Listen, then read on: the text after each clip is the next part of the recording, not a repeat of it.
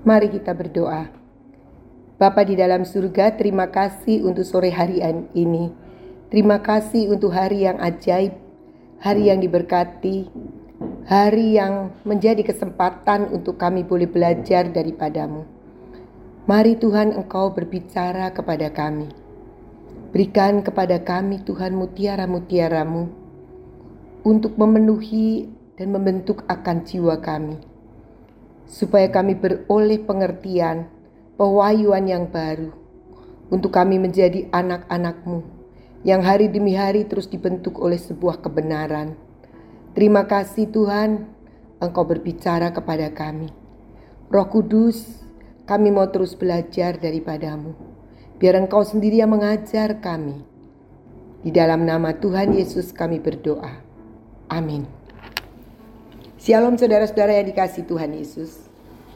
Mari kita sama-sama akan merenungkan firman Tuhan yang terambil dari dua Raja-Raja 5. Kita akan baca dari ayat yang pertama sampai ayatnya yang ke 18.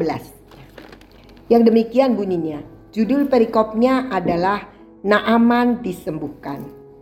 Naaman Panglima Raja Aram adalah seorang terpandang di hadapan tuannya dan sangat disayangi sebab oleh dia Tuhan telah memberikan kemenangan kepada orang Aram. Tetapi orang itu seorang pahlawan tentara sakit kusta. Orang Aram pernah keluar bergerombolan dan membawa tertawan seorang anak perempuan dari negeri Israel. Ia menjadi pelayan pada istri Naaman. Berkatalah gadis itu kepada nyonyanya, Sekiranya tuanku menghadap nabi yang di Samaria itu, maka tentulah nabi itu akan menyembuhkan dia dari penyakitnya.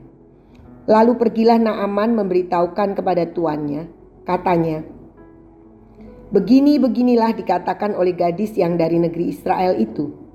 Maka jawab Raja Aram, Baik, pergilah dan aku akan mengirim surat kepada Raja Israel. Lalu pergilah Naaman dan membawa sebagai persembahan 10 talenta perak dan 6000 sikal emas dan 10 potong pakaian. Ia menyampaikan surat itu kepada Raja Israel yang berbunyi, Sesampainya surat ini kepadamu, maklumlah kiranya bahwa aku menyuruh kepadamu Naaman, pegawaiku, supaya engkau menyembuhkan dia dari penyakit kustanya. Segera sesudah Raja Israel membaca surat itu, dikoyakannya lah pakaiannya serta berkata, Aku ini yang dapat mematikan dan menghidupkan, sehingga orang ini mengirim pesan kepadaku, supaya aku sembuhkan seorang dari penyakit kustanya? Tetapi sesungguhnya, perhatikanlah dan lihatlah, ia mencari gara-gara terhadap aku. Segera sesudah didengar Elisa, abdi Allah itu, bahwa Raja Israel mengoyakkan pakaiannya, dikirimnyalah pesan kepada Raja, bunyinya, Mengapa engkau mengoyakkan pakaianmu? Biarlah ia datang kepadaku supaya ia tahu bahwa ada seorang nabi di Israel. Kemudian datanglah Naaman dengan kudanya dan keretanya, lalu berhenti di depan pintu rumah Elisa. Elisa menyuruh seorang suruhan kepadanya mengatakan, Pergilah mandi tujuh kali dalam sungai Yordan, maka tubuhmu akan pulih kembali, sehingga engkau menjadi tahir. Tetapi pergilah Naaman dengan gusar sambil berkata, Aku sangka bahwa setidak-tidaknya ia datang keluar dan berdiri memanggil nama Tuhan Allahnya. Lalu menggerak-gerakkan tangannya di atas tempat penyakit itu dan dengan demikian menyembuhkan penyakit kustaku. Bukankah Abana dan Parpar, sungai-sungai Damsik, lebih baik dari segala sungai di Israel?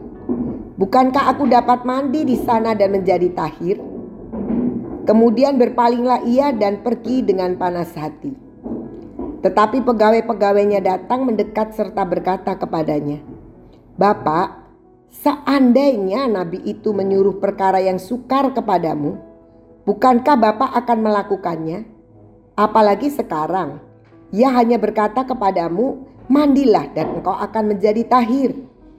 Maka turunlah ia membenamkan dirinya tujuh kali dalam sungai Yordan, sesuai dengan perkataan abdi Allah itu. Lalu pulihlah tubuhnya kembali seperti tubuh seorang anak dan ia menjadi tahir. Kemudian kembalilah ia dengan seluruh pasukannya kepada abdi Allah itu. Setelah sampai, tampillah ia ke depan Elisa dan berkata, "Sekarang aku tahu bahwa di seluruh bumi tidak ada Allah kecuali di Israel. Karena itu terimalah kiranya suatu pemberian dari hambamu ini."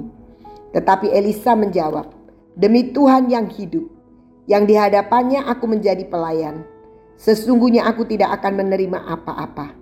Dan walaupun Naaman mendesaknya supaya menerima sesuatu, ia tetap menolak. Akhirnya berkatalah Naaman, Jikalau demikian, biarlah diberikan kepada hambamu ini tanah sebanyak muatan sepasang bagal. Sebab hambamu ini tidak lagi akan mempersembahkan korban bakaran atau korban sembelihan kepada Allah lain kecuali kepada Tuhan. Dan kiranya Tuhan mengampuni hambamu ini dalam perkara yang berikut. Apabila Tuanku masuk ke kuil Rimon untuk sujud menyembah di sana dan aku menjadi pengapitnya sehingga aku harus ikut sujud menyembah dalam kuil rimon itu, kiranya Tuhan mengampuni hambamu ini dalam hal itu. Saudara-saudara yang dikasih Tuhan Yesus, kita tentu pernah berulang kali membaca akan kisah Naaman ini. Naaman adalah seorang yang terpandang. Dia adalah seorang panglima Raja Aram yang selalu menang dalam peperangan sehingga dia menjadi pribadi yang sangat disayangi oleh Raja Aram. Dalam peristiwa Naaman disembuhkan ini, ada beberapa tokoh yang perlu kita amati bagaimana mereka bersikap dalam kehidupan ini. Yang pertama yang menarik hati saya adalah anak perempuan yang berasal dari negeri Israel. Siapakah anak perempuan ini? Tidak ada yang tahu. Sebab di Alkitab hanya tertulis satu kali ini saja dan itu pun tanpa nama. Tidak disebutkan anaknya siapa dan tidak disebutkan suku apa dari bangsa Israel, tetapi seorang anak perempuan yang ikut ditawan pada waktu itu dan kemudian anak perempuan ini bekerja menjadi pelayan dari keluarga Naaman. Tidak diberitakan di situ apakah dia bekerja di situ bersa apakah dia bekerja di situ bersama-sama dengan kedua orang tuanya atau keluarga yang lain tidak diberitakan. Tetapi yang tertulis di sini adalah ada seorang gadis yang bekerja sebagai anak perempuan yang datang dari negeri Israel, seorang tawanan. Hebatnya anak perempuan yang tidak terkenal ini yang pastinya masih muda dia memiliki sesuatu yang menjadi kekuatan yang mendatangkan berkat bagi orang lain. Yaitu apa? Yaitu pengetahuannya bahwa di Israel di tempat asalnya itu ada seorang nabi yang dipakai Tuhan dengan kuasa yang luar biasa. Dan perempuan ini sebenarnya punya banyak alasan untuk tidak peduli terhadap keluarga Naaman dia punya alasan untuk dia sakit hati karena dia adalah seorang tawanan. Dan kita tidak pernah tahu di, di saat di Israel mungkin dia adalah seorang majikan atau anak seorang tuan. Tetapi yang pasti saat itu dia menjadi seorang pelayan dari istri Naaman. Dan di tengah-tengah segala kepahitan hidup mestinya yang dialami oleh anak perempuan ini. Tapi anak perempuan ini tetap memiliki sebuah atensi, perhatian terhadap orang lain. Ketika dia melihat tuannya, suami dari nyonya di mana dia melayani itu, seorang pejabat tinggi tetapi punya sakit kusta. Dan sepanjang pengetahuannya, dia tahu bahwa di negerinya, di Israel, ada seorang nabi yang bisa dipakai Tuhan untuk menyembuhkan penyakit kusta itu. Berita itu, berita yang mungkin bagi orang lain ya sudahlah.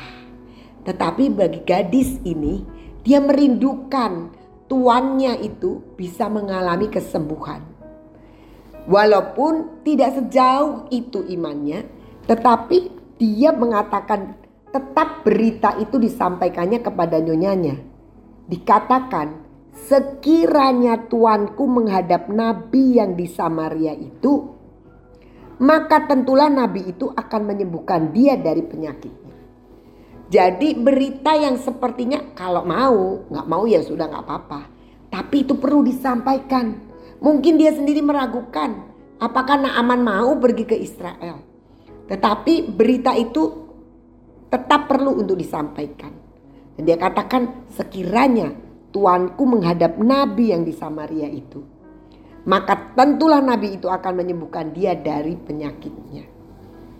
Sosok, sosok seorang gadis yang masih muda yang tidak punya banyak bahkan dia punya alasan yang cukup besar untuk membuat dia cuek untuk membuat dia tidak peduli dengan keadaan tuannya tetapi dia tidak mau diam diri dia merasakan bahwa sebenarnya tuannya ini kalau dia tinggal saja di Samaria dia bertemu dengan Nabi Elisa maka tuannya ini tidak akan berlama-lama untuk sakit kusta. Sedangkan kita tahu sakit kusta adalah penyakit yang harus disingkirkan dari masyarakat dan tinggal jauh dari lingkungan pemukiman. Tetapi karena sosok daripada Naaman ini adalah panglima, maka dia masih bisa tinggal di situ karena ini juga di negeri Aram. Nah, kita lihat sosok yang luar biasa yang sederhana, yang kecil, yang punyanya cuma sedikit, yaitu pengetahuannya tentang Nabi Elisa. Tetapi hidupnya bisa menjadi berkat.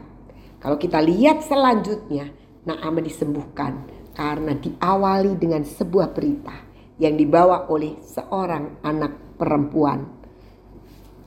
Itu sosok yang pertama. Sosok yang kedua, kita tahu adalah ketika Naaman kemudian mendengar akan berita yang disampaikan istrinya itu, maka dia sampaikan itu kepada Raja Aram. Dia dan Raja Aram menyetujui, "Baik, pergilah dan aku akan mengirim surat kepada Raja Israel." Seorang raja, dia tidak punya wawasan yang besar kecuali juga berhubungan dengan raja lain. Sehingga berita yang disampaikan oleh anak perempuan ini tentang adanya seorang nabi sampai kepada raja. Raja ini menulis surat sesuai dengan cara berpikirnya dia. Dia tidak mendengar bahwa seorang nabi yang bisa menyembuhkan. Tetapi sebaliknya dia menulis surat kepada Raja Israel. Kepada Raja Israel untuk apa? Untuk Raja Israel itu menyembuhkan. Jadi beritanya sudah salah ya. Nah, jadi kita melihat di sini pribadi Raja Aram itu mewakili orang-orang yang sering kali mendengar berita, mendengar firman, tetapi diasosiasikan sendiri, diterjemahkan sendiri menurut akal pikirannya sendiri. Sehingga tidak terjadi sebuah ketepatan. Nah, seperti Raja Aram ini, dia berpikir, oke, okay, saya akan tulis surat kepada Raja Israel. Dan benar juga Naaman membawa persembahan dan sebagainya kepada Raja Israel. Yang dikatakan bahwa aku menyuruh kepadamu Naaman kata raja itu. Pegawaiku supaya engkau menyembuhkan dia dari penyakit kustanya. Bukankah anak gadis itu menyampaikan bukan raja yang menyembuhkan, tapi ada seorang nabi yang bisa menyembuhkan. Nah, di sini kita lihat Raja Aram ini mewakili sosok begitu banyak orang, termasuk kita orang percaya, yang sering kali ketika kita mendengar firman, kita menangkap firman itu dengan cara kita sendiri. Sehingga Naaman tidak menemukan sosok pribadi yang dikatakan si gadis itu untuk dapat menyembuhkan. Karena apa? Karena salah alamat, salah memprediksi, salah bertindak. Itu sosok yang kedua, yaitu Raja Arab. Sosok yang ketiga adalah Raja Israel. Ketika Raja Israel menerima kunjungan Naaman dan membuka sur suratnya itu, Segera sesudah itu Raja Israel mengoyakkan pakaiannya dan berkata, Alahkah aku ini yang dapat mematikan dan menghidupkan sehingga orang ini mengirim pesan kepadaku supaya ku sembuhkan seorang dari penyakit kustanya. Tetapi sesungguhnya perhatikanlah dan lihatlah, ia mencari gara-gara terhadap aku. Heran sekali, Raja Israel masa sih nggak kenal Elisa? Pasti dia tahu. Kalau seorang gadis saja tahu siapa Elisa, pasti Raja Israel juga kenal Elisa. Tetapi ketika dia terima surat yang salah alamat itu, seharusnya Raja Israel ini akan segera menangkap. Oh, yang dimaksud pasti Elisa. Tetapi sebaliknya, cara berpikir raja ini juga berbeda lagi. Wah, ini cari gara-gara. Memangnya aku Tuhan. Pasti maksudnya bukan itu, tapi mencari gara-gara untuk bermusuhan. Ada begitu banyak orang Kristen juga seperti itu. Ketika menerima berita yang salah, langsung berpikir secara negatif, pasti ada sesuatu yang akan mencelakakan dirinya atau yang akan merugikan atau yang akan mencari gara-gara dan sebagainya dan sebagainya. Sehingga kalau kita lihat Raja Israel ini juga mewakili begitu banyak orang yang terlalu cepat emosi, yang terlalu cepat untuk kemudian marah-marah.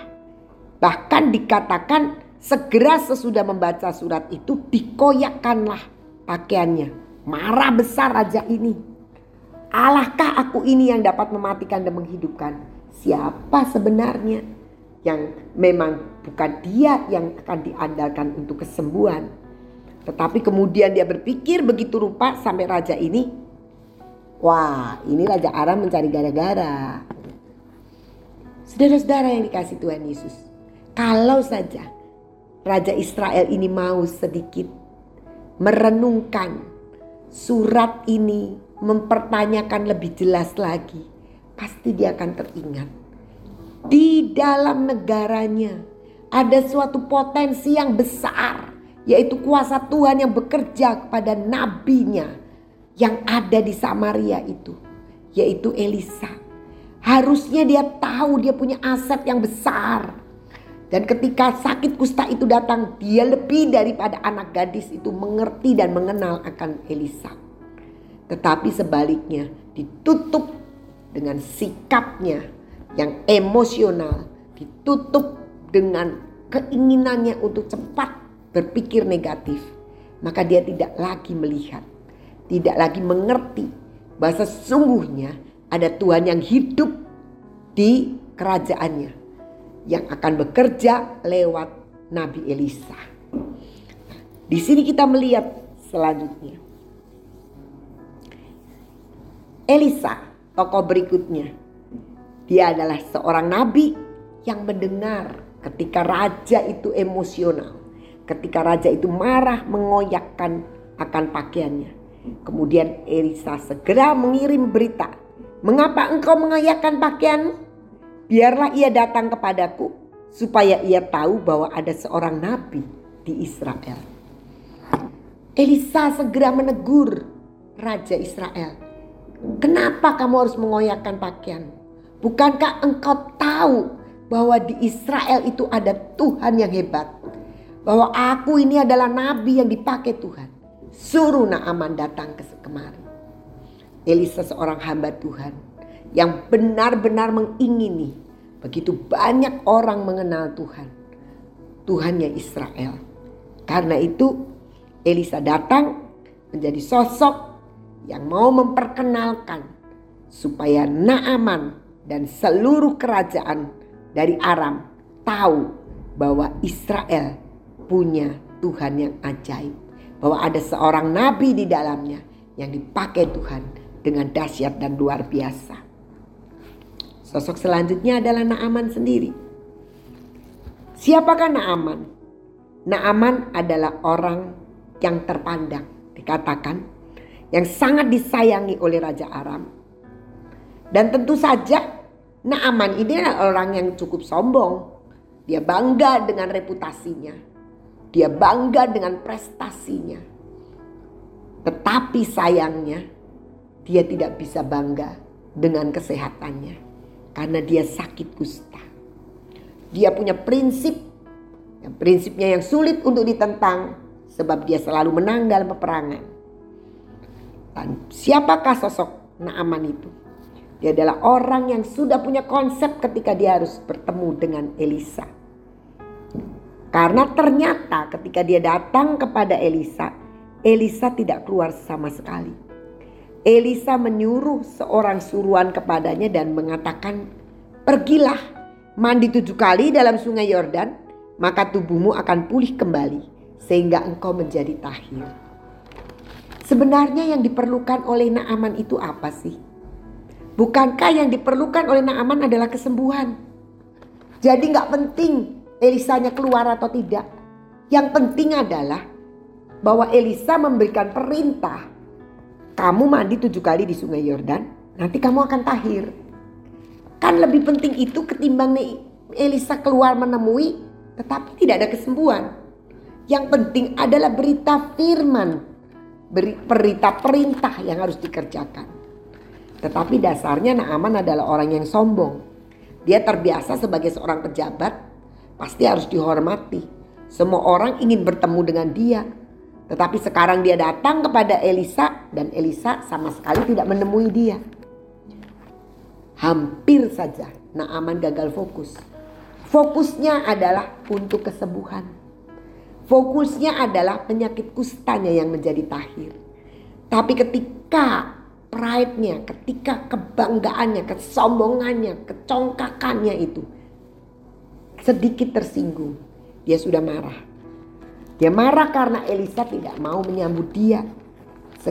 Sedangkan dia adalah seorang petinggi. Dia adalah orang yang terpandang. Dia adalah seorang pejabat dan panglima yang selalu berhasil. Sehingga Naaman marah dan dia bilang, Aku sangka bahwa setidak-tidaknya ia datang keluar dan berdiri memanggil nama Tuhan Allahnya. Lalu menggerak-gerakkan tangannya di atas tempat penyakit itu. Dan dengan demikian menyembuhkan penyakit kustaku. Dia ingin disembuhkan, tapi mau pakai caranya sendiri.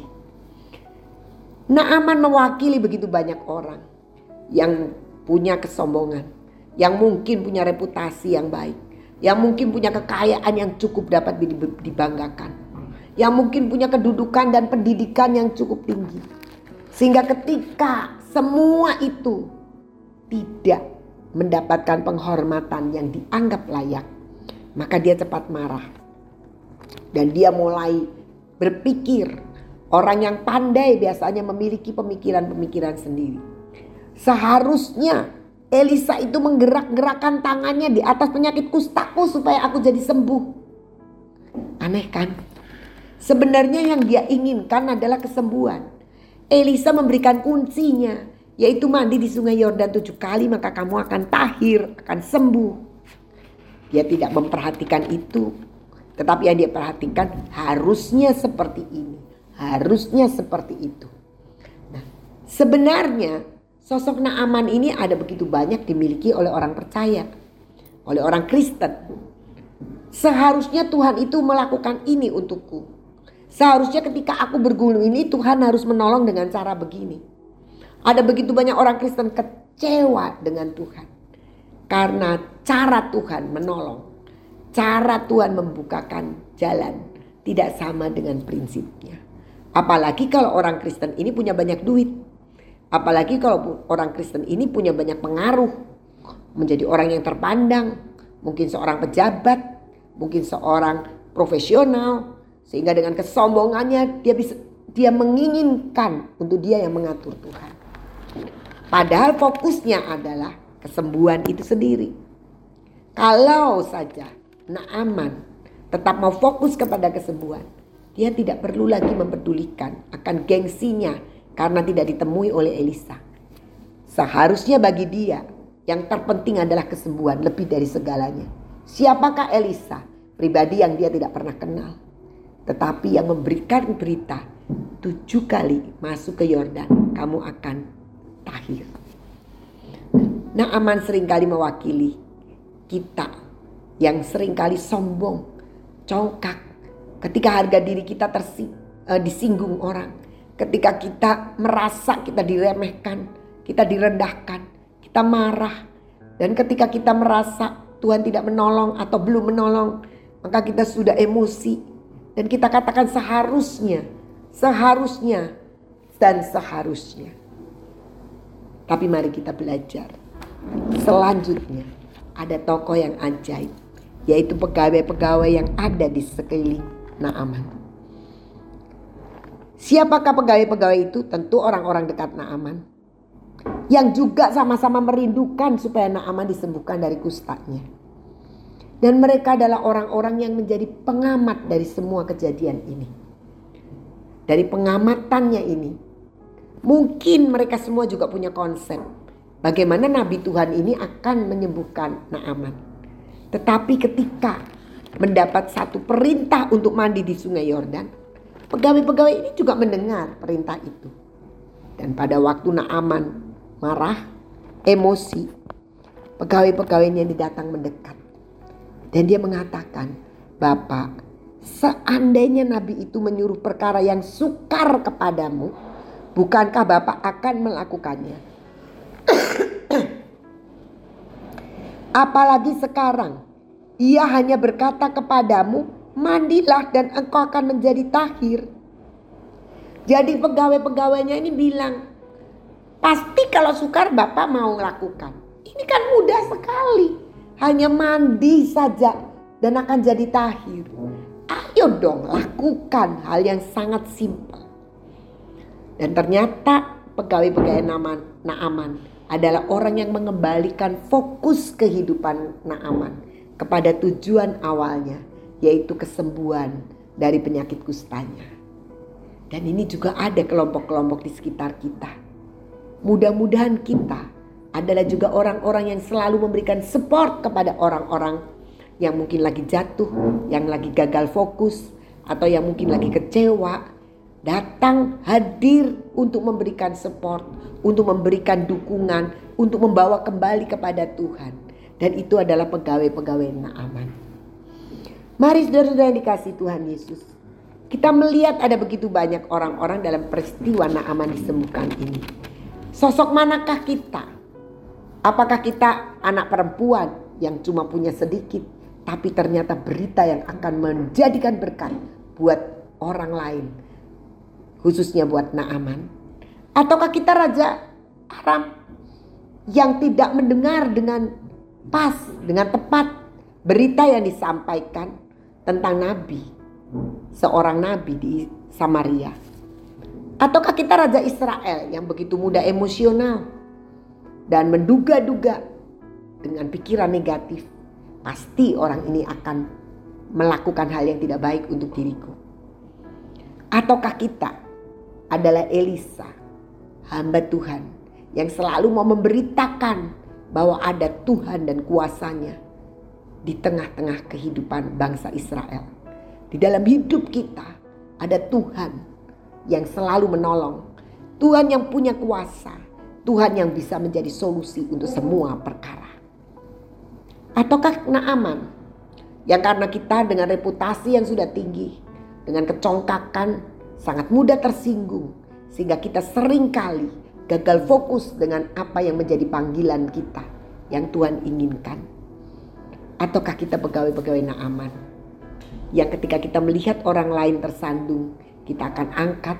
Ada orang lain kecewa, kita akan datang hadir mendoakan. Ataukah kita pegawai-pegawai Naaman yang memberikan pengertian kepada Naaman? Hal yang mudah untuk dilakukan. Kenapa tidak mau lakukan? Dan akhirnya Naaman melakukannya. Kenapa yang terjadi? Ketika Naaman melakukan, maka dia segera tahir. Karena berita firman itu yang dibutuhkan oleh Naaman.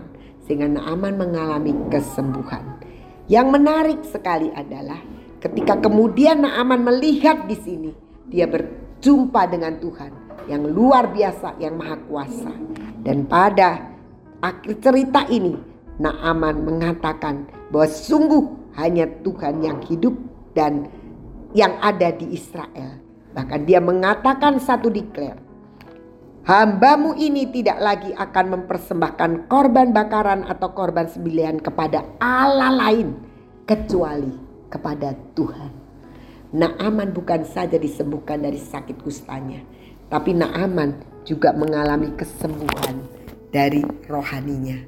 Dia mengalami, Naaman mengalami kesembuhan jasmani dan rohani karena dia bisa melihat Tuhan karena dia bisa berjumpa Tuhan sampai dia mengakui, aku tidak akan menyembah kepada Allah mana pun kecuali hanya kepada Tuhan. Mari saudara-saudara yang dikasih Tuhan Yesus. Kita boleh meneliti, mengintrospeksi diri kita sendiri. Sejauh apa dan siapa kita sebenarnya di dalam kehidupan dan kegiatan aktivitas uh, ibadah kita. Apa kita sosok yang benar-benar bisa menjadi berkat. Apakah kita orang-orang yang sungguh-sungguh bisa memberikan dorongan, dukungan bagi mereka yang sedih, susah, bagi mereka yang punya persoalan, bagi mereka yang punya begitu banyak hal, masalah-masalah, kita bisa memberikan solusi dan menjadi berkat buat mereka. Mari saudara, letakkan diri kita untuk terus fokus kepada Tuhan dan mengerti bahwa di dalam diri kita ada Tuhan yang hidup, Tuhan yang ajaib, Tuhan yang perkasa, Tuhan yang berkuasa, Allah El Shaddai. Tidak ada yang lain kecuali Dia saja. Tuhan dan Juru Selamat kita di dalam Tuhan Yesus Kristus. Tuhan Yesus memberkati.